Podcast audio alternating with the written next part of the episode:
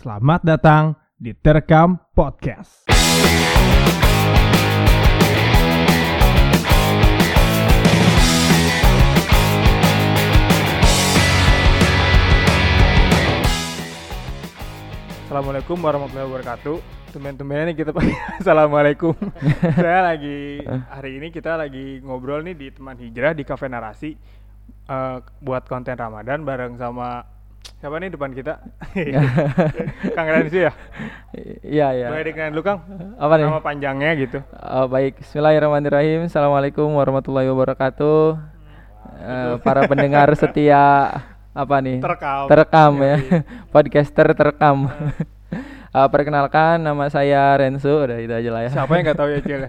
Buat anak-anak banyak muda yang nggak tahu ya. Kayak kalau buat cewek-cewek banyak ya ngelihat dari Instagramnya. Pengecualian ya. Iya, tapi cowok kan pada nggak tahu ya. ya makanya ini mau kita sebarin. Oh gitu. iya baik baik baik. Nama panjangnya siapa Kang? Renzo apa?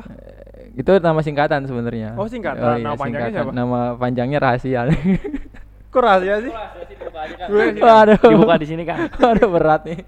Ya orang taunya ya Rensu sih. Rensu atau Kang Rensu itu Oh jadi nggak mau dibuka nih tetap nama nggak aslinya? penting sebenarnya Oh, masih. penting. Kalau Renzo itu kayak ingat ayam geprek ya? iya betul. Ayam geprek. itu biar memudahkan nih. Biar iya. memudahkan orang untuk mengingat. Hmm. Enggak sih sebenarnya. Enggak Jadi juga na- sih. nama aslinya biar Allah dan Akang yang tahu lah ya sama ibu Iya. orang tua lah. ya. Jadi Kang ini ternyata senior kita di kampus nih. Betul banget di Pakuan. Di Pakuan ya? Jurusan geologi Jurusan ya. geologi. Gak ada yang nyangka kan? Gak ada yang nyangka sekalem ini karena Dulu enggak. Karena image-nya kalau teknik geologi itu agak sangar tapi yang ini beda nih. Ya. Jadi agak ini Kang kalau lu agak mengubah image gitu. soft boy kemasan soft boy Dulu saya juga sama, pakai jaket oranye, sepatu trekking. Tapi petang-petenteng celana kan? kargo enggak tapi meskipun kayak gitu ya enggak pentang petenteng sih kalem aja biasa tapi ya kadang Kalau lagi- masa-masa masa-masa ada keributan ya lihat-lihat aja lah Ah, lihat-lihat dikit-dikit paling nyeramahin kan Dikit-dikit. ya. Astagfirullahaladzim nggak boleh kayak gitu bro paling gitu. kayak gitu sih palingan Berarti lulus tahun 2018 Kang? Wisuda ya Iya 18 berarti 7 tahun. iya dua tahun cuti Oh, tahun cuti. cuti dua tahun Enggak, ya tadinya mau nyamain sama Oh, kita gitu. Biar nggak. ada pembelaan biar lah. ada temen juga kan Nggak, jadi waktu itu lima tahun tuh udah selesai, udah skripsi, udah data lapangan udah diambil semua. Mm-hmm. Nah kemudian dua tahun itu karena banyak main keluar, akhirnya sayang juga kan bayaran, ya udah nah cuti aja gitu. Oh, mainnya ke mana nih? Ya ini Belajar aja, Islam? enggak, justru Oh. main, enggak maksudnya Bener-bener main, literally lebih main. banyak ke ini sih main traveling aja kayak gitu. Oh, menikmati masa muda ya. Menikmati enggak Berarti- menikmati Berarti kesendirian. udah udah udah cukup nih remajanya main-mainnya. udah main udah cukup lah. Ya dua tahun ya gitulah nggak jelas akhirnya comeback karena udah disuruh lulus kan Iya kan, tapi rata-rata kalau yang di teknik angkatan akang sendiri banyak yang nggak lulus gak? lulus semua alhamdulillah 2018 banyak yang lulus cuman pada lama gitu ya kang ya Iya jadi kita memang eh, tujuh tahun itu biasa aja sih mungkin kalau di jurusan lain kayaknya tujuh tahun tuh kayak aib gitu ya iya ya Iya, apalagi di jurusan saya kan. iya kalau di teknik sih biasa gitu 7 tahun normal. biasa ya. normal malah kayaknya kebalikan yang cepat lulus kayaknya aneh tuh Nggak, tapi sekarang udah mulai banyak sih yang lima tahun Ada perbaikan. tapi rata-rata memang 6 sampai tujuh tahun lah Iya sih, karena emang mungkin dari pelajarannya juga susah kan ya apa emang ditu, emang apa emang pendidikannya kayak membutuhkan waktu lama sebenarnya. enggak juga sih sebenarnya males Karena laki-laki semua banyak main nih. banyak main bener. Anak teknik itu lebih banyak main soalnya. Iya. jadi terkadang males buat balik ke kampus gitu. Itu juga kalau misalnya nggak disuruh balik cepet lulusin kuliah kayaknya masih santai-santai aja di luar kayak gitu. Kayak saya juga dulu kayak gitu soalnya mikirnya Kang Nes kan dari Banten ya, iya betul dari Banten merantau berarti ngekos nih. iya Hmm, berarti sempat jadi menderita apa enggak nih sebagai anak kos? wah gitu? merasakan Merasakan ya? merasakan banyak merasakan sekali terutama sih di mungkin pas akhir-akhir lah ya akhir-akhir karena itu banyak sekali drama kehidupan Iya sih emang. Tapi Tapi- tapi itu jadi jadi cerita seru buat kita juga sih ya yang merasakan zaman kuliah di susah-susahnya gitu. iya tapi nggak susah amat lah ya Beda sama kita cuy berarti. yang penting tetap produktif lah selama kuliah insya Allah nggak akan eh, terlalu sulit kok Nah, Kang Nesu kan eh, setahu saya juga aktif di DKM kampus nih. Pertama kali saya ngelihat Akang gitu. zaman dulu banget Ah, ya zaman dulu banget. Jadi sebenarnya kalau emang saya boleh tahu gitu dari kecil dari dulu apa emang udah into apa emang udah aktif di bidang keagamaan ini sih dari kecil gitu? Enggak juga. Oh, enggak juga. Enggak juga. Waktu SD gitu apa enggak, orang tua udah orang- ngarahin gitu? Enggak juga sama sekali enggak. Justru saya lahir di keluarga besar yang memang jauh dari pendidikan agama. Gitu. Iya. Berarti Akang berhasil menemukan sendiri. Iya, terus malah keluarga saya itu adalah keluarga adat ya, Sunda gitu kan. Buhun namanya. Jadi kasepuhan apa kasu- Kang? buhun buhun. Buhun. Kasupuhan-kasupuhan gitu. Oh, Kalau di kayak Jawa mungkin kesultanan gitu ya. Kalau di Sunda kan ada kasepuhan namanya. Jadi emang ruang lingkupnya adat yang jauh jauh banget lah dari yang namanya nilai-nilai oh syariat jadi kayak Islam kayak leluhur-leluhur gitu. ya? Nah, betul dari kayak luhur-luhur kayak gitu. Itu hal-hal yang biasa kayak gitu. Seru juga di sana. Berarti lihat keris kayak gitu-gitu kan. Oh, animisme dinamisme gitu kali. Ya, ada campur baur sih, campur aduk lah kayak gitu ya. Islam campur aduk sama animisme sama dinamisme macam-macam lah kayak gitu Oh. gado-gado jadinya.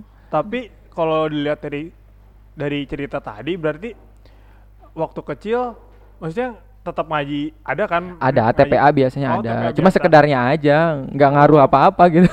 SMA Oh. juga masih sama, masih apa yang nggak jelas gitu kan. Kirain saya. masih belang betong juga kalau urusan agama. Oh, ya sih sama lah ya. Namanya Sama. anak, anak apa umur-umur segitu tapi dikirain saya emang udah ini Kang diarahin gitu. Enggak, enggak sama sekali Terus enggak. fase ininya Menemukan ini. Pas eh, menemukan itu sebenarnya di kelas SM, SMA kelas 3 itu awal banget sih, awal mengenal apa ya namanya tertarik gitu. tertarik untuk eh, ibadah itu di kelas 3 SMA. Apa tuh yang bikin itu juga tapi belum sepenuhnya ya, maksudnya masih kadang sholat juga masih. Gitu gimana tuh? Oh itu harus ceritain ya. Ceritain lah.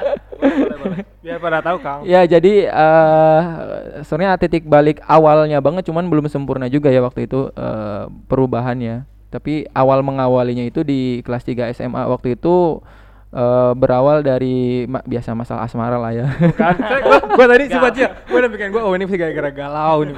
gara-gara galau bener banget jadi gara-gara eh, diputusin biasanya Oh, kan diputusin. ya biasanya gara-gara galau urusan perasaan akhirnya kan eh, mencari-cari nyari-nyari solusi apa ya solusinya kalau misalnya lagi galau kayak gitu kan nyari wah macam-macam tuh banyak artikel dibaca tapi nggak Oh. ada yang menyentuh gitu terus ada satu artikel artikel di blog Islam gitu ya nggak tahu tuh punya siapa lupa namanya tapi situ ada hal-hal yang untuk menanggulangi galau kayak gitu dan kayak menarik juga nih gitu Hmm. Nah dari situ jadi kayak tertarik gitu kan, tertarik buat oh pingin nyobain deh ibadah kayak gitu kayak gimana dan ternyata enak juga gitu. Itu cewek yang digalauin itu sekarang gimana? Ya Allah alam ya. Emang pengen tahu sih cantik apa sih? Pacaran atau enggak tuh? Hah? Pacaran atau Taruh kali ya. Teman dekat kali gitu Teman ya? dekat ya. Teman dekat. Oh, gara-gara cewek. Enggak enggak cewek banget sih, Pokoknya cuman ada lah ada ada lah gitu ada. ya. Tapi emang ada ada ada. kesentil lah. Ada kesentil lah. Salah satunya mungkin penyebabnya itu. Waktu SMA ikut ini juga Rohis enggak?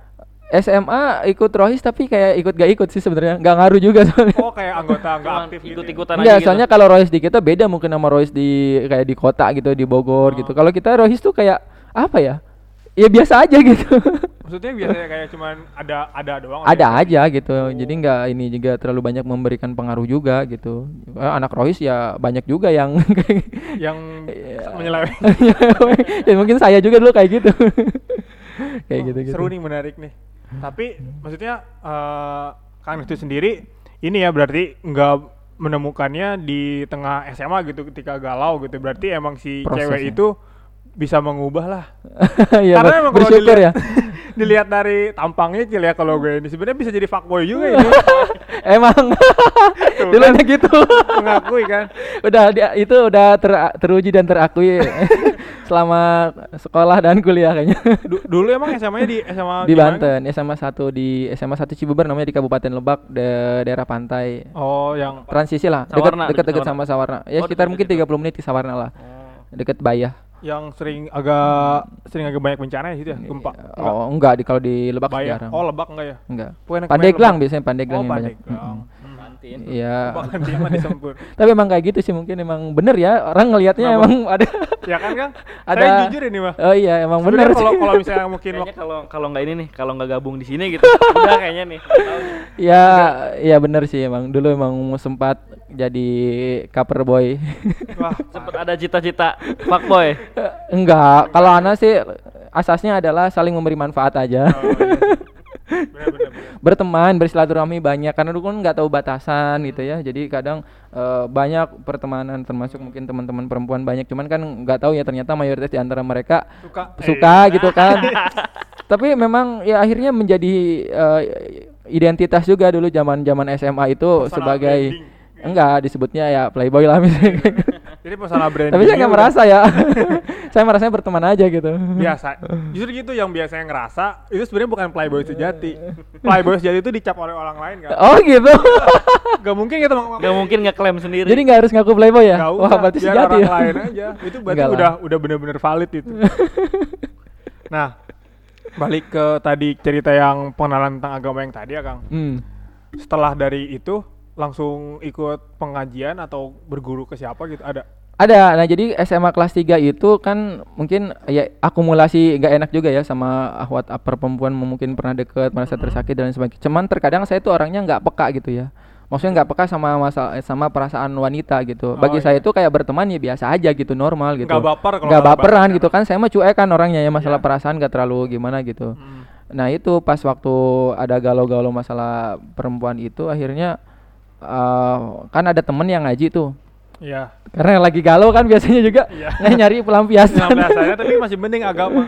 Ya, nyari Kan banyak yang lain juga kan. ya ya ya. Ada juga. Jadi temen itu macam-macam gitu. Iya. ada yang dia emang ada yang apa bukan aktif ya. Kecenderungnya baik gitu kan ke agama. Ada juga Oh. yang lebih pak boy juga banyak. Oh iya sih, wajar wajar. jadi lingkarannya tuh ya macam-macam lah gitu. Aha. semuanya ada gitu di pertemanan kita itu. Terus? Ada yang ahli strategi perempuan gitu kan. Ada Iya. yang lebih ke kalem gitu. Nah karena kan kalau galau nggak mungkin kan ikut sama yang pak boy kan. Iya. makin rusak nanti kan. Hmm, bener bener bener. Ya, akhirnya merapatnya sama yang kalem-kalem. Ya waktu itu terus? Nah terus ada waktu itu ada buka bersama tuh temen sama guru ngajinya. Ya ah lumayan kan buka bersama ikut ah gitu. Hmm. ikut terus dengerin gitu kan. Wah enak juga ya gitu kan. Masuk nih gitu. Oh, jadi di buka bersama itu ada si ustad ceramah itu dia. udah udah us- ada ada ustadnya Oh, bukan isi ceramah sih mungkin kayak mereka Sharing- ngaji ya, sharing kali, sharing ya. ngobrol-ngobrol. ah sharing. Jadi eh ustadz kita itu dulu masih muda dia Hmm. baru lulus kuliah satu atau dua tahun lulus kuliah ya. Itu guru kita juga dulu. Eh tiga tahun apa empat tahun gitu lupa lagi. Jadi masih nggak beda jauh lah jaraknya. Oh, Iya. jadi muda ya, jadi Masih masuk relate nah pembahasannya. relate banget pembahasannya gitu.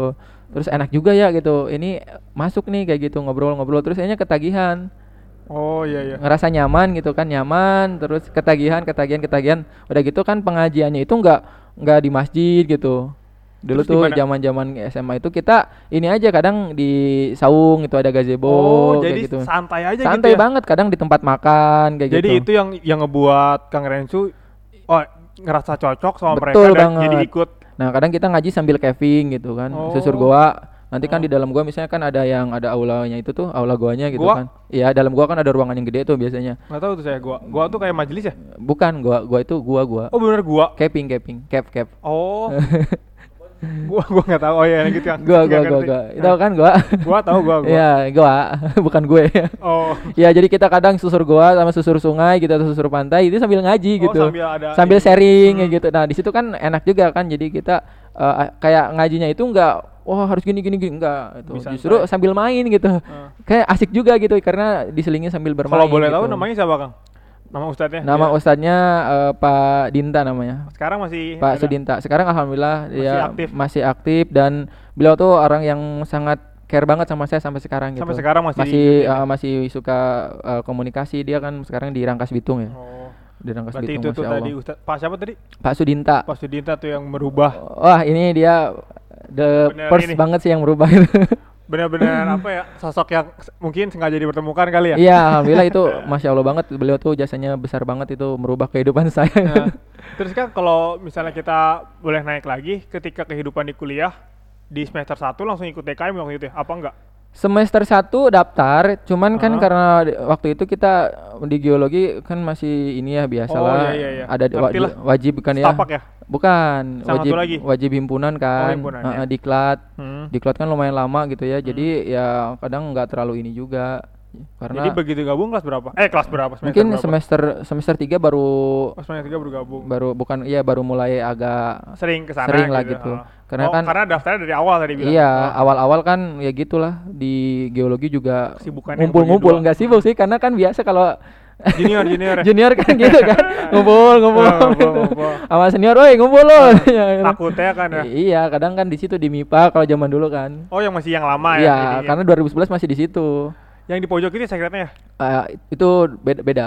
Tapi biasanya pada ngumpul di situ juga ada. Oh. tapi kan dulu mading geologi di depan ilkom situ kan di MIPA jadi waktu awal oh berarti ketika masuk DKM itu makin makin ini dong Kang. Makin makin membuat Akang semakin dalam ke agama bisa dibilang gitu? Ya sebenarnya sih eh kalau dibilang mendalami sih nggak nggak juga gitu ya. Hmm. Tapi berimbang aja sih karena tujuannya kan biar balance aja gitu antara kegiatan saya di teknik di Oh. geologi dengan agama ya. Karena khawatirnya kan kalau misalnya nggak dibarengin sama kegiatan agama tuh lost gitu nanti Iya. pergaulan dan lain Hmm. sebagainya. Karena kan tahu sendirilah walaupun nggak semua teman-teman teknik itu misalnya Iya. bergaulnya tapi kan khawatir gitu. Hmm. Karena saya mikirnya ya saya udah jauh-jauh merantau gitu kan. Hmm. masa ke Bogor mau jadi apa gitu kan. Nah, tapi gitu. di DKMA Kausar Kang ya Mm-mm. kalau biasanya bocorin dia punya utang nih kan dulu kan. Kalau bayar suka nggak bayar jadi sendiri.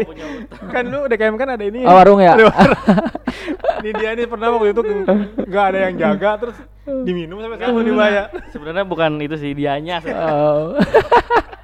Oh. itu pernah nggak ada yang ini ya Warung Biasanya kan ada, ya? ada Kang Ahmad ya oh iya Ahmadi ya kan sering gak ada yang jaga. Oh, jadinya udah aja diambil dulu Diatur aja jadi lupa gitu. Aduh, maaf banget nih Kang.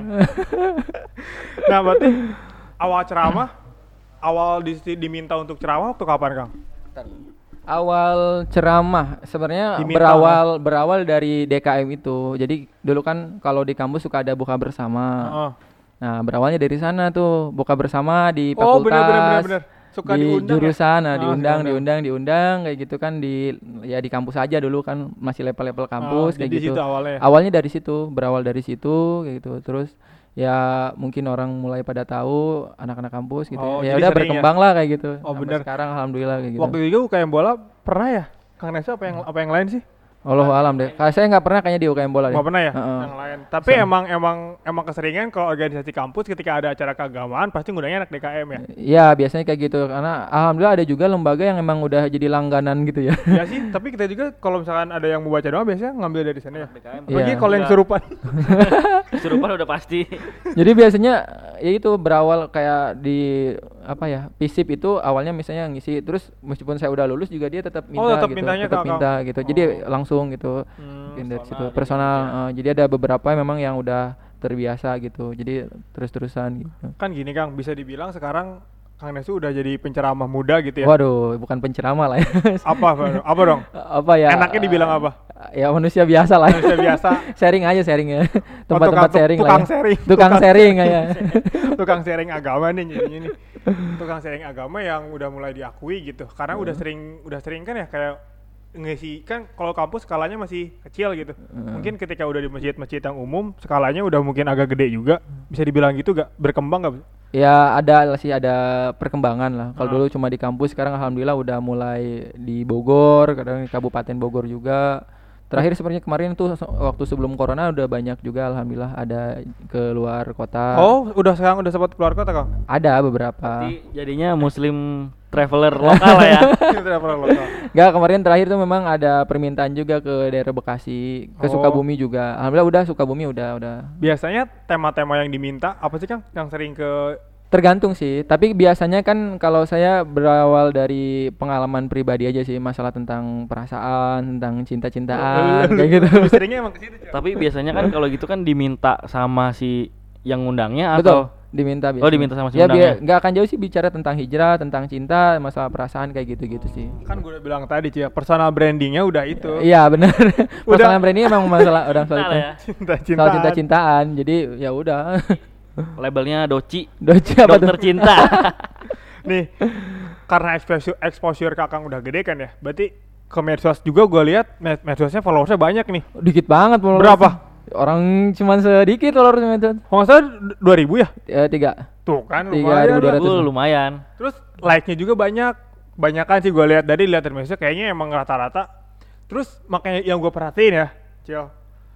Cewek rata-rata yang like followersnya kan ya. 80 persen. Bener berarti emang udah gak bisa dipisahin ini. nah itu menghadapi exposure yang tinggi dari anak muda, terutama kaum ukti ya bahasa itunya. oh ya. Itu sungka ada gak sih yang kayak nge-DM kayak genit gitu. Oh banyak dulu waktu masih belum menikah. Tapi ditanggepin nggak Kang? Eh, tergantung kalau misalnya bertanya masih umum-umum dibales, tapi kalau misalnya udah hal-hal yang nggak jelas kadang nggak ditanggepin. Misalnya gitu ada yang DM, Kang nikah yuk gitu. Oh ada, banyak juga. Kang, saya aja Kang. dioper dioper. Oh kan, nanti kalau ada yang kalau kalau ada yang ini Kang, Kang nikah yuk. Aduh maaf nih ke teman saya aja nih. oh gitu. Terekam nih dua nih. Siap siap siap. Ya gitu Boleh, ya. boleh, boleh. Sama aja Kak. Banyak insya Allah. Banyak ya. Itu cara menghadapinya gimana Kang? Apakah ih kok eh, jadi kayak gini gitu apa apa Kang merasa jadi wah gua sekarang udah terkenal nih, udah ada di posisi yang lumayan gitu. Oh, Rasanya enggak. gimana waktu Enggak, alhamdulillah sih kalau saya berusaha sebisa mungkin untuk tidak eh, apa membanggakan diri bahwa saya tuh terkenal enggak gitu, enggak. Oh. Saya ingin menjadi orang yang biasa aja gitu itu? Tapi sebenarnya. agak bangga lah ya. Karena kan sedikit. yang mengenal yang mengenal kan orang lain gitu. Iya Kalau saya sih. biasa aja kayak gitu. Jadi kok justru khawatir ketika misalnya kita ada star, star syndrome kayak gitu kan jadi kayak nggak bisa apa down to earth gitu. Jadi Hmm. Iya, nggak iya. bisa lebih ke bawah apa sama lah gitu, nggak ah. bisa membumi nah itu. Karena sebenarnya kan semakin banyak pengikut juga beban ke kita ya. Betul. Jadi apa pun yang kita lakukan harus positif. Nah, itu juga itu salah satunya itu juga salah satu tantangan juga sih Dan sih ya. mungkin jadi eh, hal positifnya ya berusaha untuk menghidupkan hal-hal positif sih di sosial media kayak gitu. Tapi ada rasa bangga nggak sih Kang? Bangga sih enggak sama sekali justru malah saya khawatir. Khawatir. khawatir, saya takut khawatirnya takutnya ada salah-salah ucap atau Oh, salah-salah iya sih. kata dan itu misalnya berpengaruh ke orang lain kayak gitu kan kita nggak pernah tahu ya namanya Iya juga sih. perkataan kita didengar banyak orang akhirnya kan khawatir justru malah banyak takutnya ketika Sebenarnya banyak takutnya ya. Iya benar. Kalau saya malah bukan bangga, justru takut gitu. Malah khawatir tergelincir atau gimana Hmm. gitu kan. Kalau orang tua sendiri di rumah udah tahu gitu bahwa kegiatan Akang di Bogor sekarang udah ngisi-ngisi, udah sharing tuh, udah jadi tahu tukang tahu, sharing. tahu. Oh, udah Alhamdulillah udah tahu. Iya, Dan ini bakal jadi jalan hidup. jadi jalan hidup nih. insya Allah jadi jalan hidup karena memang ini udah jadi jalannya ya saat ini. Ya udah tinggal diteruskan aja gitu, lanjutkan. Eh, jadi kan eh, apa akan sering ceramah-ceramah gitu ya. Hmm. Maaf banget nih narik ke belakang lagi nih soalnya Ah. kan yang tadi awal Akang bilang katanya keluarga Akang dari jauh dari Betul. agama gitu ya. Ah. Apakah Akang di rumah suka ngasih tahu ke apa mendekatkan ke agama gitu atau gimana tuh? Nah ini pertanyaan menarik nih. Justru memang eh, ketika kita berbicara tentang dakwah gitu ya, Iya. dakwah itu terberat itu justru adalah kepada keluarga kita. Iya. Itu hal yang sangat berat gitu dakwah kepada keluarga. Karena apa? Pertama ada batasan-batasan yang harus kita juga perhatikan, Oh, iya adab benar. dan eh, apa akhlak yang harus diperhatikan ketika kita berdakwah dengan keluarga gitu. Beda kan kalau misalnya orang nggak kenal Iya. gitu kan, ya bilang-bilang aja Iya, gitu kan. heeh. Tapi kalau sama orang tua itu kan harus hati-hati. Tapi insya Allah perlahan gitu, step by step. Tapi ada perubahan di rumah. Ah, insya Allah ada. Ada perubahan Ada ada ya? perubahan. Soalnya ditunjukkan juga dengan perilaku kita juga sih.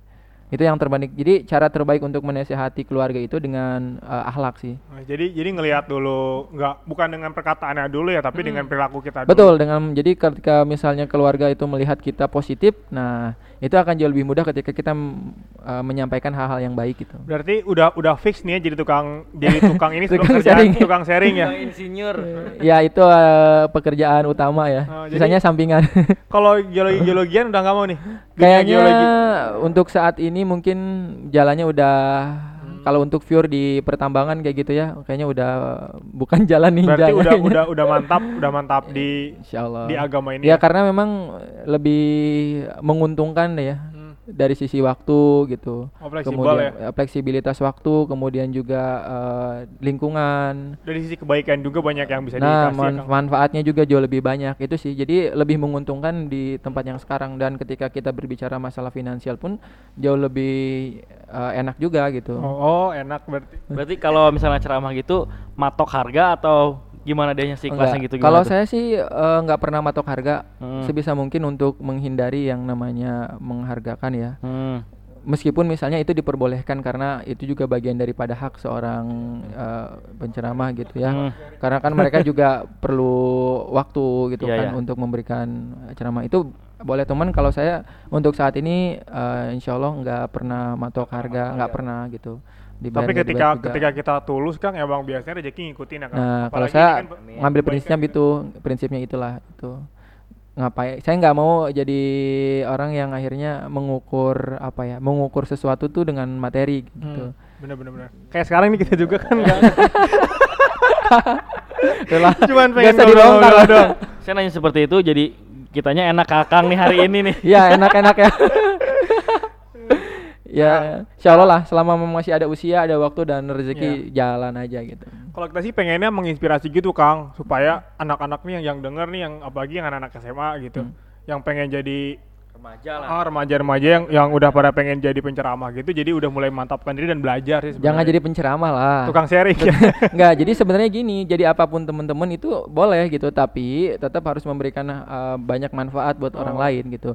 Ya, jadi ceramah itu semua orang bisa gitu, kayak misalnya antum menjadi apa programmer yang nantinya bisa Oh, iya. nyerempet ke agama gitu. Itu- Tujuannya untuk kebaikan. Nah, ya. itu Kan sebenarnya- kayak, kayak kita nih bikin podcast walaupun agak nggak jelas, siapa tahu Nah, ada yang nah, penting-pentingnya gitu. poinnya ya. sebenarnya itu memberikan manfaatnya Hmm. itu. Jadi eh, nggak harus semuanya jadi penceramah gitu kan. Kalau misalnya juga ya. kalau semua jadi penceramah yang diceramain siapa dong? Oh iya bener sih. Jadi Iya. saling sih, saling aja. Saling mengisi ruang-ruang yang masih kosong gitu. Sekarang kan kita uh, mau bahas yang lain nih. Boleh, boleh. karena eh, dengan adanya yang sharing kayak gini ah gue ngomong ceramah lagi takut salah nih pokoknya tentang sharing gini berarti kan dengan sadar akan me- menyebarkan ilmu pengetahuan ya Mm-mm. ilmu pengetahuan untuk kalangan muslim Betul, yang muslim, terutama non-muslim. yang yang mendengarkan akang tuh remaja-remaja nih Remaja, ya. menurut akang sendiri penting penting ilmu pengetahuan dalam kacamata Islam tuh gimana sih sebenarnya? Ya jelas penting banget atau. ya karena emang dulu kita pernah sempat percaya gitu ya kang ya? Nah, pertama-tama memang bahwa agama sendiri itu kan adalah ilmu ya. iya dan tidak ada uh, aktivitas beragama yang tidak didasari dengan ilmu. Maka jelas banget itu adalah suatu hal yang sangat penting dan fundamental dalam kehidupan kita ilmu gitu. Iya karena ini harus yang pertama kita harus juga memahami bahwa manusia ini terdiri dari tiga unsur utama. Iya kang. Nah unsur hati unsur akal pikiran dan jasad nah ilmu itu kan adanya di pikiran kita gitu Iya. kan nah hati itu kan masalah ibadah tuh zikir Oh, nah, iya, gitu. kemudian jasadiah kita ya ini aktivitas amaliyah yang memang dilakukan secara fisik gitu oh gitu Nah, kang ketiganya harus seimbang gitu. Karena agama tanpa ilmu ya bodoh gitu kan. Kemudian pun sebaliknya gitu kan ilmu tanpa agama tersesat gitu. Jadi dua-duanya itu eh, saling melengkapi gitu. Oh Dan bahkan Al-Qur'an itu kan juga termasuk kitab sains ya. Karena di dalamnya juga berbicara banyak tentang masalah ilmu pengetahuan, oh gitu tentang misalnya kejadian hujan, kemudian tentang penciptaan manusia, tentang gunung gitu kan. Itu ada gitu kan tentang masalah geologi ya? itu banyak. Jadi ilmu-ilmu geologi juga ada dalam Al-Qur'an gitu. Hmm. Ilmu kimia ada dalam Quran itu semuanya ada gitu. Biologi Jadi ada. emang karena kalau misalnya di kita baca sejarah ya, Hmm. pernah ada masa emang di mana ilmuwan-ilmuwan dari muslim ini Kang ya yang Betul. pernah yang pernah apa ya istilahnya Berjaya lah ya. hmm, berjaya lah gitu. Betul. 1300 abad Islam itu berjaya menguasai dunia, bahkan 2 per 3 ya. Dua 2 per per 3 dunia. Oh, Iya, 2 per 3. Hanya Eropa Barat yang belum ditaklukkan waktu itu. Eropa Barat berarti da- daerah mana Kang? Ya kan? Eropa Timur itu kan sampai Spanyol. Oh, Spanyol. itu udah. Itu Oh, justru Spanyol ya? itu pernah menjadi pusat peradaban Islam Islam. ya di Cordoba Dari ya. ah, dari ilmu pengetahuan. Di situ kan lahirlah eh, universitas-universitas Islam gitu. Di Spanyol. di Spanyol awalnya kan di Irak kemudian eh, di Spanyol gitu kan jadi Kufah itu kan kota ilmu eh, Andalusia juga sama Kufah itu dari mana Kang? Kufah itu Irak Kufah, Irak, Mm-mm. Andalusia, Anda- Spanyol ya. Spanyol ya itu jadi pusat ilmu juga jadi banyak lahir eh, cendekiawan-cendekiawan muslim ya kayak misalnya Al Khwarizmi yang menemukan Al Jabar gitu kan yang Oh, menemukan angka iya. nol kan kemudian ada Yang Jabar kita Ibnu Royan ya Kang? Ya, ada Jabar Ibnu Royan yang dia menemukan atom. Jadi bukan John Dalton tuh penemu atom sebenarnya. namanya, Kang? Jabar Ibnu Royan. Itu dia. Iya dia penemu. Kemudian ada Abbas ibnu Firnas dia adalah penemu eh, apa namanya pesawat terbang. Jadi peletak dasar teori pesawat terbang itu adalah Abbas bin Firnas, bukan Itu- Wright bersaudara. Oh, itu orang mana Kang? Dia orang Islam lah pastinya. Enggak usah negaranya, negaranya. Dia itu kalau nggak salah masih dari menemukan itu ketika kejayaan di masih di Andalusia Oh. kalau nggak Oh. salah ya setahunya. Jadi banyak banget. eh, kemudian ada yang menemukan rumah sakit. Rumah sakit itu dia eh, cendekiawan Muslim juga. Heeh. Jadi yang eh, Konsep rumah membuat, sakitnya gitu ya? ah, membuat konsep rumah sakit itu orang Muslim, cendekiawan Muslim itu. Berarti hampir hampir semua peran kejayaan Islam terhadap dunia saat ini gede ya Kang Oh sebenarnya. besar banget, besar Cuman banget. mungkin karena dima- dimanipulatif oleh peradaban barat Nah, yang betul setelahnya banget. mengambil semua Ah pengetahuan itu dia. Jadi memang begitulah yang terjadi. Jadi sejarah Islam itu ditutup-tutupi. Sebenarnya satu tujuannya agar tidak memunculkan kebanggaan bagi para uh, generasi muda Islam. Oh, iya benar-benar. Nah, akhirnya kan kita ngerasa bahwa oh, Islam tuh kok Biasa gini ya, biasa, biasa aja. aja gitu. Padahal 1300 tahun Islam itu jadi puncak peradaban dunia gitu. Bahkan jadi trendsetternya dunia gitu. Hmm. Termasuk bahasa, gaya berpakaian, Bahasa Kang? Ge- bahasa dulu bahasa Arab itu jadi bahasa tren banget gitu bahkan anak-anak muda di Eropa itu itu dulu ketika dia menggunakan bahasa Arab itu kayak seperti kita menggunakan bahasa Inggris sekarang Oh, jadi oh iya ya. Keren juga ya, Kang. nah itu pada Seru nih. kemudian ya akhirnya mung- ada hikmah gitu ya di balik Islam kenapa Hmm. eh, kejayaannya runtuh dan insya Allah akan bangkit lagi karena itu janji Allah sebenarnya Ada di ter, ada ya, hadis itu ada hadis sahih yang mengatakan bahwa kita itu akan melewati lima zaman gitu kan kan kata Rasul itu sebaik-baik eh, zaman itu adalah zamanku zaman setelahku kemudian nanti eh, eranya tabiin kan Apa? Kesultanan. Tabiin? Oh, Heeh, yang Turki Utsmani terakhir oh terakhir kemudian ya. nanti kita memasuki satu fase di mana namanya eh, zaman Mulkan Jabarian gitu itu Apa, Kang? Apa, adalah Kang? Apa? Mulkan Jabarian Itu apa tuh? itu artinya eh, zaman di mana penguasa-penguasa zolim itu eh, diangkat gitu Sekarang kali ya. Nah sekarang zamannya. Maka Terus? setelah itu kata Rasulullah Seru nih gue suka nih kayak gini. akan kembali lagi kepada uh, Khalifah min Nubuwah. Jadi Islam akan kembali bersatu lagi dan Islam menjadi puncak kejayaan lagi.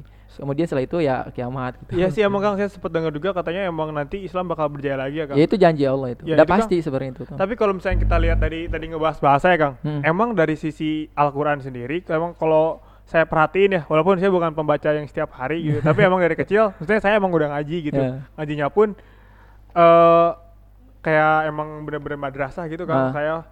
Terus em- emang seperti bahasanya pun emang bagus gitu, kayak sastra banget. gitu. Betul. Al-Quran itu bahasa sastra. Bahkan eh tidak ada bahasa sastra yang jauh lebih indah daripada Al-Quran. Oh gitu. Iya, karena ketika Al-Quran itu datang itu kan hadir di masyarakat Arab justru mereka tuh kan banyak yang terheran gitu kan, kok ini Bisa indah banget gini gitu, kan. gitu ya? Makanya banyak juga tuh ahli syair ya, penyair-penyair eh, yang di zamannya Iya. Rasulullah itu kan, Hah? yang masuk Islam itu ketika mendengarkan Quran. Karena apa? Mereka tahu ini bukan bahasa sembarangan gitu. Ini nggak ada yang bisa merangkai bahasa seindah ini. Ini pasti ada Sesuatu. sesuatu gitu. gitu, kan, siapa Allah gitu. Oh. Nah, itu. Para penyair itu ya. Iya, betul. Sebenarnya syair itu tuh jatuhnya ke musik apa gimana sih Kang? Syair itu lebih kepada hikayat lah kalau zaman sekarang ya. Hmm, kayak apa sih kayak itu? Gua nggak nggak tahu nih ya apa ya ya hikayat tuh Kayak kata-kata kata-kata ya kata-kata gitu Kayak apa ya? sastra lah ya lebih kepada sastra Oh, gitu Jadi emang dulu bukan ini musik enggak bukan musik gitu ya? Enggak, enggak. Jadi emang emang dari sastra atau bacaan atau literasi, Literasi. emang Islam sangat menguasai ya. Eh, Dibuktikan banget. dengan Al-Qur'annya sendiri gitu. betul betul banget dan lahir juga cendikiawan-cendikiawan kayak filsafat gitu Oh, kan sih, berarti emang ha- emang hampir kan perannya juga peran peran kejayaan Islam juga sangat berpengaruh lah. Nah, gini Kang pertanyaan saya. eh untuk kembali ke masa itu yang harus dilakukan oleh remaja-remaja itu gimana sih Kang? Nah, betul. Sekarang ketika kita bicara bagaimana kembali un- eh, untuk mengembalikan kejayaan Islam, maka Heeh. kita harus melihat bagaimana kemudian Islam ini runtuh. Karena pasti ada faktor yang menyebabkan eh, Islam itu yang tadinya berjaya selama ti- 1300 tahun, kemudian 100 tahun terakhir kan, ini Hmm. sampai 2023 nanti kita tepat 100 tahun eh, keruntuhan Turki Utsmani kan. Tahun 2023. Iya. Oh iya. iya. 2003 2004 kan. Nah, kita harus melihat ini bagaimana proses keruntuhannya. Apa sih yang menjadi faktor penyebabnya? Karena itulah yang akan Iya. kemudian menjadi faktor penyebabnya Islam kembali bangkit gitu. Nah, kalau misalnya kita melihat sejarah bahwa eh, Islam itu eh, hancur kejayaannya itu justru karena pertama banyaknya juga eh, para pengkhianat gitu kan. Orang-orang munafik dalam Islam. Dalam Islamnya sendiri. Nah, kemudian generasi muda Islam itu sudah jauh daripada Al-Qur'an.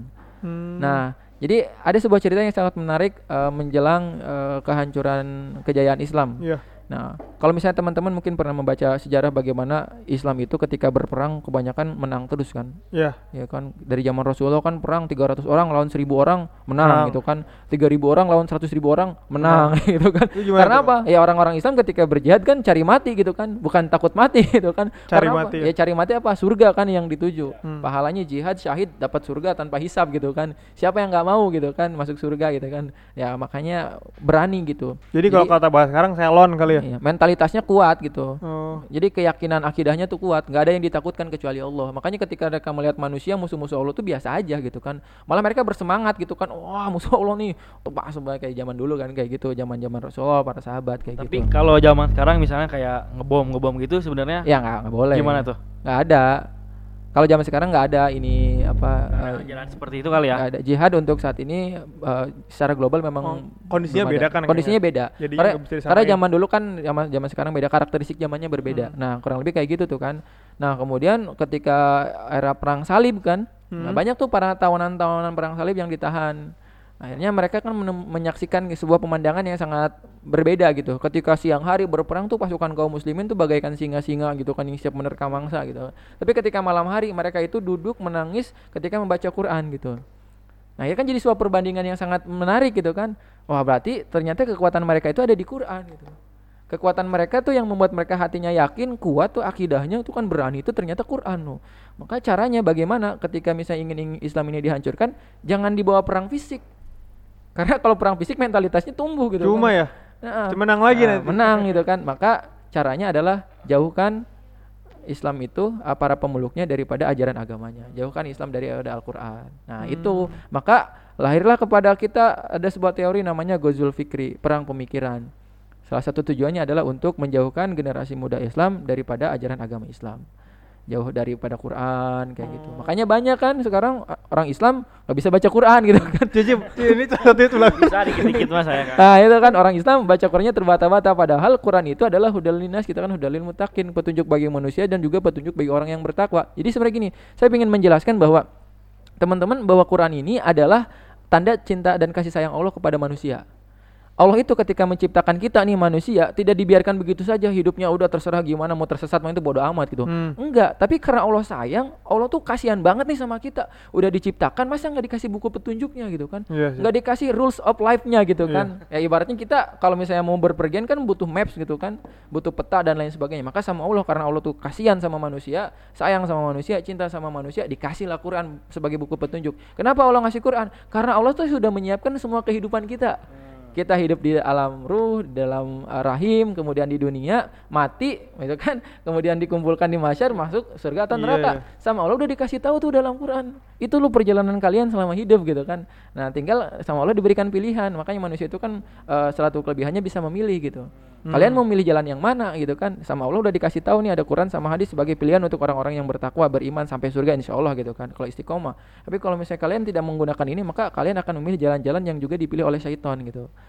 Ya nanti bersama syaitan lah di dalam neraka. Makanya kata Allah banyak kelak nanti orang-orang yang akan menyesal gitu. Mereka tuh akan menyesal ketika eh, justru di hari kebangkitan gitu kan ditanya sama para malaikat, emang dulu nggak ada seorang nabi yang ajarannya sampai kepadamu ada, tapi kami abai gitu kan. Nah, Hmm. Nah, ya itulah jadi penyesalan-penyesalan kayak gitu. Berarti untuk mengembalikan lagi kejayaan Islam ya kita baca Al-Quran lagi ya Kang. Ya baca, pahami karena Al-Qur'an itu punya hak dan punya eh, dan kewajiban yang harus kita tunaikan. Ya salah satunya adalah kewajiban kita kepada Quran adalah membaca, mentadaburi, kemudian mengaplikasikan dan mengamalkan atau menyebarkan. Nah, itu hak yang harus kita tunaikan kepada Quran. Jadi nggak cukup dengan kita baca Arabnya tapi juga nggak paham artinya sama Iya. aja bohong gitu kan.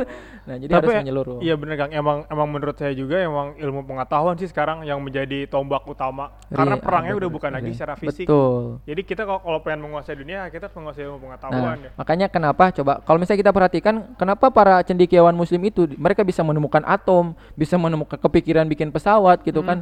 Bahkan ilmu bedah itu kan, ilmu bedah. Oh itu bedah kalau nggak salah ya. kan Iya kan? Abisina, Ibnu Sina Hmm. kan itu orang Islam juga gitu kan yang menemukan. Coba itu mereka bersumber dari mana? Dari Quran. Jadi mereka itu adalah orang-orang yang hafal Quran, hafal hadis, ngerti tafsir. Nah, ketika misalnya uh, Raik apa sih Abbas Ibnu Firnas itu kan menemukan pesawat terbang.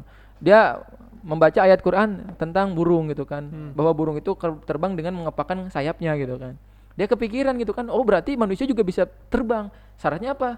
Punya sayap gitu kan.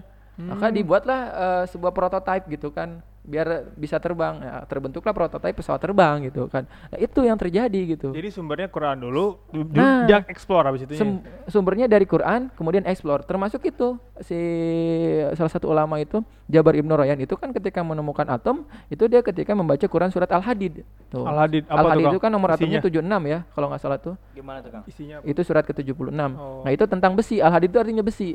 Oh. Jadi dia kalau misalnya membaca sejarahnya itu dia kan jam besi emang udah ada dari dulu gitu kan. Nah, itu ayat ayat itu kan berbicara tentang masalah besi gitu kan. Kemudian dia teliti itu besi besi besi itu kan sampai partikel terkecil gitu. Akhirnya dia Tau lah kalau partikel terkecil dari besi itu cuman adalah atom. kayak cuman gitu. ininya mungkin nggak dipatenin aja kali ya dulu Iya zaman dulu ya. kan nggak ada Ah, paten-patenan. iya. kalau misalkan sekarang juga kayaknya udah dipatenin Iya kan hak patennya cuma Allah gitu kan. iya sih makanya jadinya mungkin ketika itu ada ekspansi dari barat jadi mereka mau Betul, karena ketika perang salib Islam kalah, buku-buku Islam itu banyak dibawa ke barat. Makanya kalau misalnya yang di jangan Baghdad ya, Kang Ya sekarang kan sering kita temukan tuh manuskrip-manuskrip eh, Islam kuno itu kan ada di Harvard Iya. gitu kan, ada di Ah. Oxford coba. Iya di Inggris waktu ada di Inggris. Nah Ah. itu karena apa? Dulu dibawa semuanya dari Irak, dari Andalus itu dibawa semua. Ada yang dibakar, ada yang dibawa gitu. Makanya akhirnya mereka kembangkan bahkan teori bedah itu, itu mereka pakai sampai sekarang. Itu udah diterjemahkan ke berbagai bahasa. Ya itu. algoritma aja sekarang menguasai dunia kan Betul banget. itu hal Maka- muslim ya Ah, itu siapa Al Khwarizmi, Oh? Rizmi. orang yang sangat pahalanya Ah. banyak banget kan? Sek- sampai sekarang dari YouTube Instagram semua Nah, kan algoritma maksudnya, semua. ah, ah, algoritma yang katanya sih bakal menguasai gitu Nah, berarti betul banget. lagi ya Jadi sumbangsi Islam dalam ilmu pengetahuan itu ya sangat besar karena memang ya Islam itu adalah rahmatan lil alamin gitu. Rahmat bagi seluruh alam. Makanya semua sumber ilmu itu dari Quran gitu. Tapi bukan maksudnya ketika kita bicara Quran itu oh berarti udah harus jadi uh, pembaca Quran aja nggak usah. Enggak, maksudnya itu sumberkan dulu dari Quran baru situ kita explore Ah. gitu. Kembangkan semuanya. justru gitu. dari Quran bisa bisa ketika kita explore bisa ada disiplin ilmu baru justru Ya karena iya betul kayak misalnya masalah hujan gitu kan. Kita baru tahu bahwa hujan itu adalah dari uap. Itu kan di Quran udah ada 14 abad loh bayangin. 14 abad ketika belum ada ilmu pengetahuan yang mengetahui tentang bagi proses hujan bagaimana? Itu di Quran udah ada udah dikasih tahu gitu kan. Kalau hujan itu adalah daripada uap air yang kemudian terbawa oleh angin gitu kan. Ke dataran yang lebih rendah apa eh, tekanannya maka terjadilah hujan. Itu di Quran semuanya udah dijelasin masalah kayak gitu gitu kan. Iya. itu kan menarik banget gitu. Termasuk penciptaan manusia gitu. Iya ya udah Iya kan dari eh, apa namanya nutfah gitu kan dari sperma kemudian menjadi segumpal daging gitu kan segumpal darah gitu kan dan itu tuh baru eh, diketahui itu di eh, apa sains dan kedokteran modern gitu oh jadi baru-baru ini baru-baru gitu Paling berapa baru-baru ratus tahun terakhir gitu Kang ya? ya enggak sih Kayaknya ya lebih abad kurang. abad ya ketika teori Seribu. kedokteran itu mulai, udah mulai Oh, baru di dunia gitu ya. ya udah mulai rame tapi Islam itu udah ada gitu termasuk masalah perempuan harus 40 hari setelah melahirkan gitu kan Iya. jangan dulu ngapa-ngapain itu ternyata teori kedokterannya itu baru-baru aja ditemukan Oh gitu. gitu. Jadi emang kenapa saya pengen bahas ini karena menurut menurut saya menurut kami gitu ya Kang. Kita sih emang harus bangga gitu lahir sebagai muslim dan dan kalau bisa sih kita apa pun pekerjaan nanti tetap ada jalur kita harus ngebawa Islam ke ini sih Betul, saya intinya biar bangga lah gitu. Karena memang itu juga perintah dari Allah sih Identitas. kita harus bangga terhadap agama kita kan Hmm. dalam Quran juga dikatakan isyhadu bi anna muslimun saksikanlah bahwa aku tuh seorang muslim gitu. Karena memang ya Islam itu adalah sebuah kebanggaan. Hmm. Satu-satunya agama yang diridhoi oleh Allah itu adalah Islam. Satu-satunya kitab yang tidak pernah ada revisi dari awal pertama kali diturunkan sampai sekarang itu cuma Islam. Satu-satunya kitab yang kemudian menyatukan seluruh manusia itu cuma kitab Al-Qur'an. Sok, Quran di Arab, Quran di Sama aja. Indonesia, di Afrika sama, baca Al-Fatihah sama gitu kan. Nah, Hmm. kan beda dengan kitab lain gitu kan ada revisi dan lain sebagainya Karena banyak emang yang sekarang nih ya anak-anak Indonesia terutama ya atau Bogor sekitar saya gitu ya. Jadi ke barat-baratan gitu. Jadi Nah, itu. dia apa ya kayak nggak nggak tahu kalau dulu tuh kita pernah berjaya seperti nah mereka karena nggak gitu. tahu nggak Iya. tahu sejarah eh, nggak tahu tentang bagaimana dulu ternyata Islam itu sangat luar biasa pengaruhnya makanya mereka lebih membanggakan peradaban yang baru muncul ya 100 tahun terakhir gitu Iya. kan Makanya nih Kang mudah-mudahan pembicaraan ini nanti bikin orang-orang langsung baca nih ke belakang. Iya. gua pengen sih kayak gitu. Amin, Makanya gua amin. adain Insya tema Allah. ini. Nah. Nah, kan gua udah lihat nih Kang di Instagram lu kayaknya sih baru nikah gitu ya Kang. betul Itu berapa berapa lama sih? Bulan yang lalu ada? Februari tanggal 20 Februari nikah Berarti udah tiga bulan yang lalu. tiga bulan Februari lagi. Kenapa enggak 14 Februari aja? Bang? Beda itu. Enggak, 20 Februari itu tanggal lahir. Yang lahir siapa? tanggal lahir saya. Oh, jadi ulang tahun sekalian ceritanya. Iya, sekalian nikah. Berarti kalau main bola Dan nomor bagus 20. juga tanggalnya, 20 bulan 2 2020 kan. Oh, Eh, bener, Tanggal cantik. lahir 20 nikah du- 20 berarti eh, ini kalau main bola nomor 20 dong harusnya Biasanya gitu. nah gini kang gue pengen diceritain dong itu awalnya ketemunya gimana soalnya banyak yang ini pasti followers followersnya jadi kayak wah patah hati lokal Kayak patah hati nasional lah gitu loh. Lokal, Lokal ya. itu gimana tuh ceritanya Lokal cilik. apa apa gimana Oke, jadi eh, ini berbicara tentang pernikahan ya. Mm. Eh, Alhamdulillah menikah tanggal 20 Februari. Kemudian kenal sama istri itu November 2019. 2019 Oh, langsung yakin gitu ya. Ah, ke rumah istri pertama kali itu eh, Desember akhir Lo- akhir ketemu tahun Orang tuanya gitu. ketemu orang tuanya untuk kenalan awalnya bukan untuk eh, Lamar. langsung lamaran enggak Kenalan dulu. Nah, jadi ketika ngelamar bukan ngelamar ya nggak ada lamaran sebenarnya mah ya ke rumah orang tuanya pingin kenalan sama orang tuanya pingin ketemu langsung ditodong Hmm. ditanya yakin nggak yakin insya Allah pak gitu kan Ya udah kalau semuanya misalnya udah yakin udah nikah aja Oh, gitu. gitu terus udah bulan Februari tanggalnya terserah kalian katanya Langsung gitu. iya langsung kayak gitu kan Bulan Tembak kayak Februari gitu gitu. Heeh, terus oh, mau lu anak gue Februari lu. Januari masih belum ada pergerakan apa-apa Iya. nggak sebulan tuh nggak ngapa-ngapain nggak ada yang dinyiapin apa-apa juga Itu lagi corona nggak? Enggak ya? belum itu belum, Belum, karena masih galau juga coronanya di Cina waktu itu oh, jadi gitu. Itu kenalnya di mana? kenalnya itu sebenarnya nggak kenal ya Maksudnya? Emang udah temen kayaknya. Enggak, enggak juga. Jadi kalau ketemu itu waktu itu saya ngisi acara tablik akbar di salah satu sekolah Di daerah? di Bogor. Nah, Uh-huh. istri itu kebetulan dia ngajar juga di sekolah itu. Oh, Cina. Nah, ketemu di situ nggak lama dari situ langsung diajakin nikah. Oh. Cantik sih ngeliatnya gitu Ya, cara PDKT-nya dengan cara-cara seperti itu gimana tuh, Kang? Ya langsung aja sih sebenarnya. Oh, eh, udah yakin Allah kali ya, Kang, yakin. ya? Nah, karena memang di awalnya udah gini dulu. Jadi ketika ada niatan ingin menikah itu banyak berdoa minta sama Allah ya Allah itu pingin nikah nih gitu tapi jodohnya kan nggak tahu nih Sama siapa gitu, gitu kan enggak saya enggak Oh, enggak, begitu enggak, enggak. Sama enggak dia gitu, saya gini doanya ya Allah saya pingin menikah eh, siapa pun orangnya saya nggak jadi masalah mau seperti apa pun wajahnya misalnya mah biasa aja nggak Oh. apa-apa gitu kan yang penting orang itu memang bisa membawa manfaat buat saya buat dunia dan akhirat gitu Hmm. udah gitu aja doanya akhirnya enak gitu. karena Berarti itu ketemu sama istri Secara alhamdulillah agak langsung Akang biasa aja gitu. biasa aja langsung langsung langsung yakin gitu pas ketemu sama istri itu langsung nggak ada ragu aja pokoknya yakin aja nih jodoh saya nih kayaknya gitu Oh. yakin gitu ya udah Bismillah lah ajakin nikah Hah? dianya mau udah Tapi gini Kang, Nikah Ka- deh. saya pernah baca buku ya Kang. Jadi di situ ditulis kalau pernikahan tuh salah satu yang membuka pintu rezeki. betul banget Iya Kang ya, bener ya? mau, mau kasih tahu nggak nih bagaimana saya nikah nih Nah, coba coba gimana, ceritain. gimana ya saya ketika datang ke rumah istri itu cuman punya uang dua ribu Hah? dua ribu Penghulu aja berapa? Ya, belum itu Desember. Desember, 200.000? Heeh, Desember itu Desember itu cuman punya uang dua ribu tuh waktu Hmm. itu.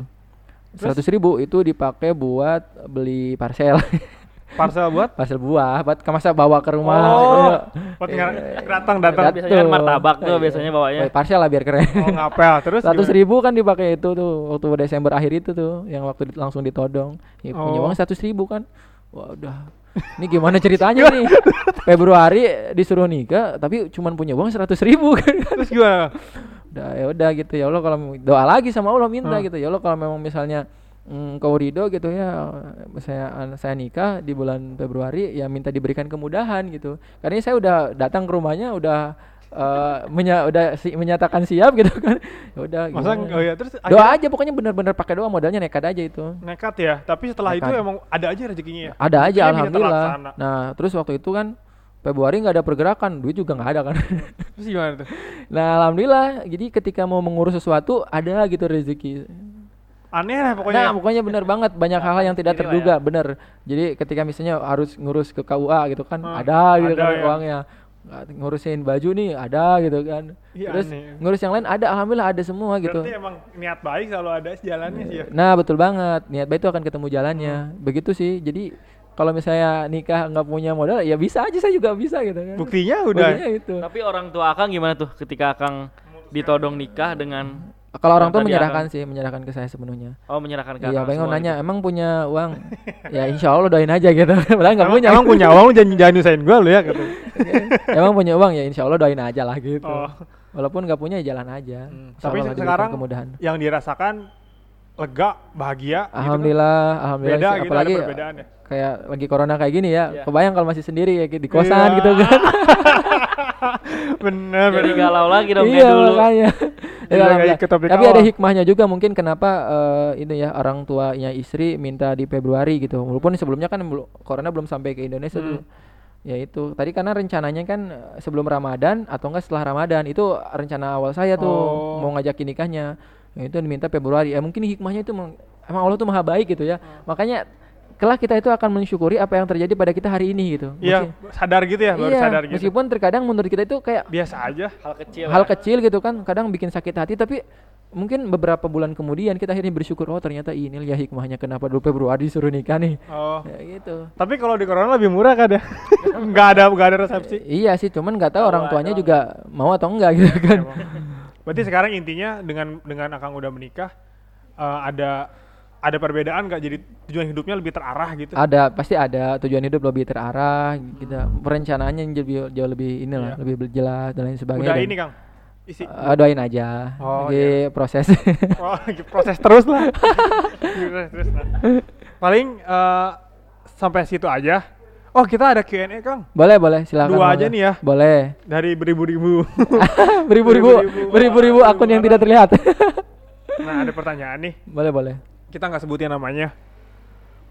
Pacaran nggak pernah beran- berantem apa itu sehat? Kok gitu sih? ah nggak apa-apa kita balas aja Pacaran nggak pernah berantem apa itu sehat? ya sebenarnya tergantung ya ini yang pacaran nggak pernah berantem apakah itu sehat Ah. yang nggak sehat juga Karena pasti ada, selalu pasti ada. harusnya ada ya Kang ya. ya nggak karena gini nggak tahu ya karena saya sih ngerasain ketika alhamdulillah gitu memulai semuanya tidak dengan pacaran itu kerasa setelah menikah gitu.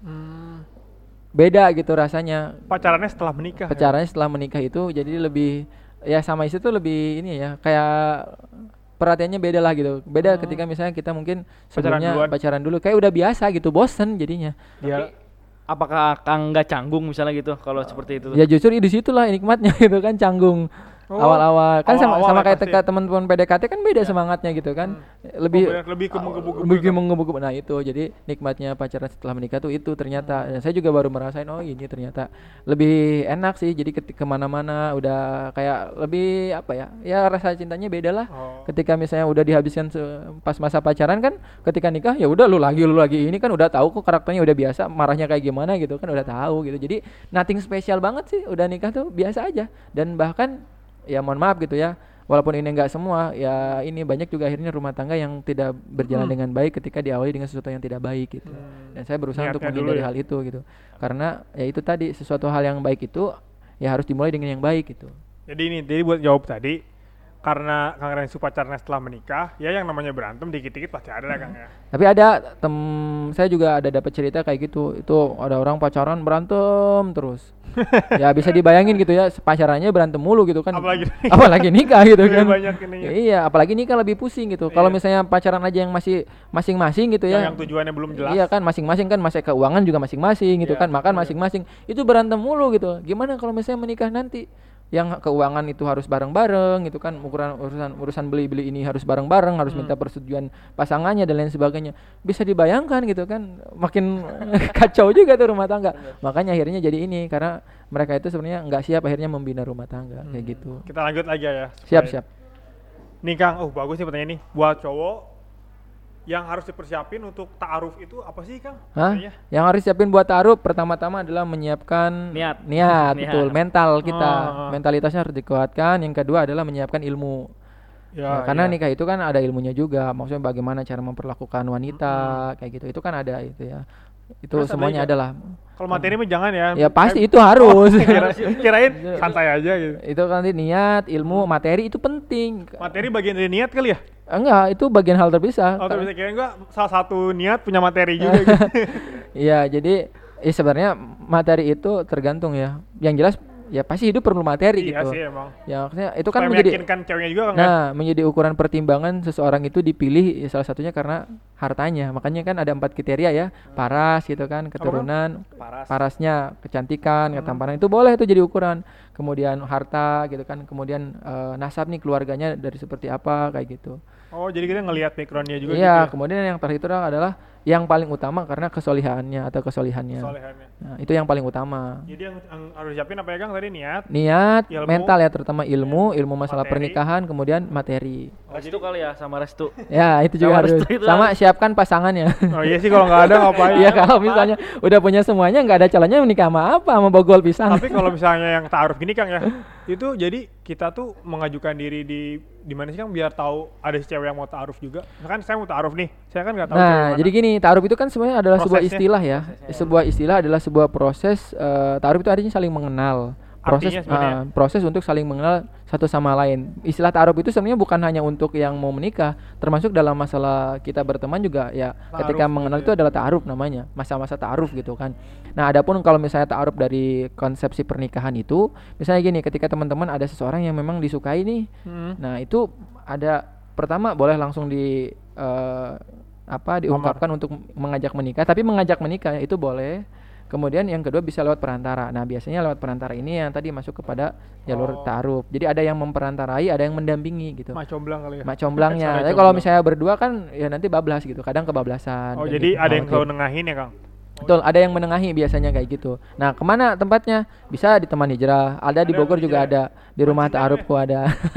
teman cinta, belum belum belum. Hijrah cinta. Hijrah cinta kemarin Oh, nih iya. ada. Cinta, iya. Nah gitu gitu. Jadi Bisa banyak ya? sebenarnya bisa. Atau ikut di kajian lah kayak gitu. Kalau misalnya mau menemukan calon-calon eh, pasangan yang Ganteng ya? ganteng, solihah dan solih gitu kan, ya di tempat-tempat yang baik. Carinya di masjid gitu.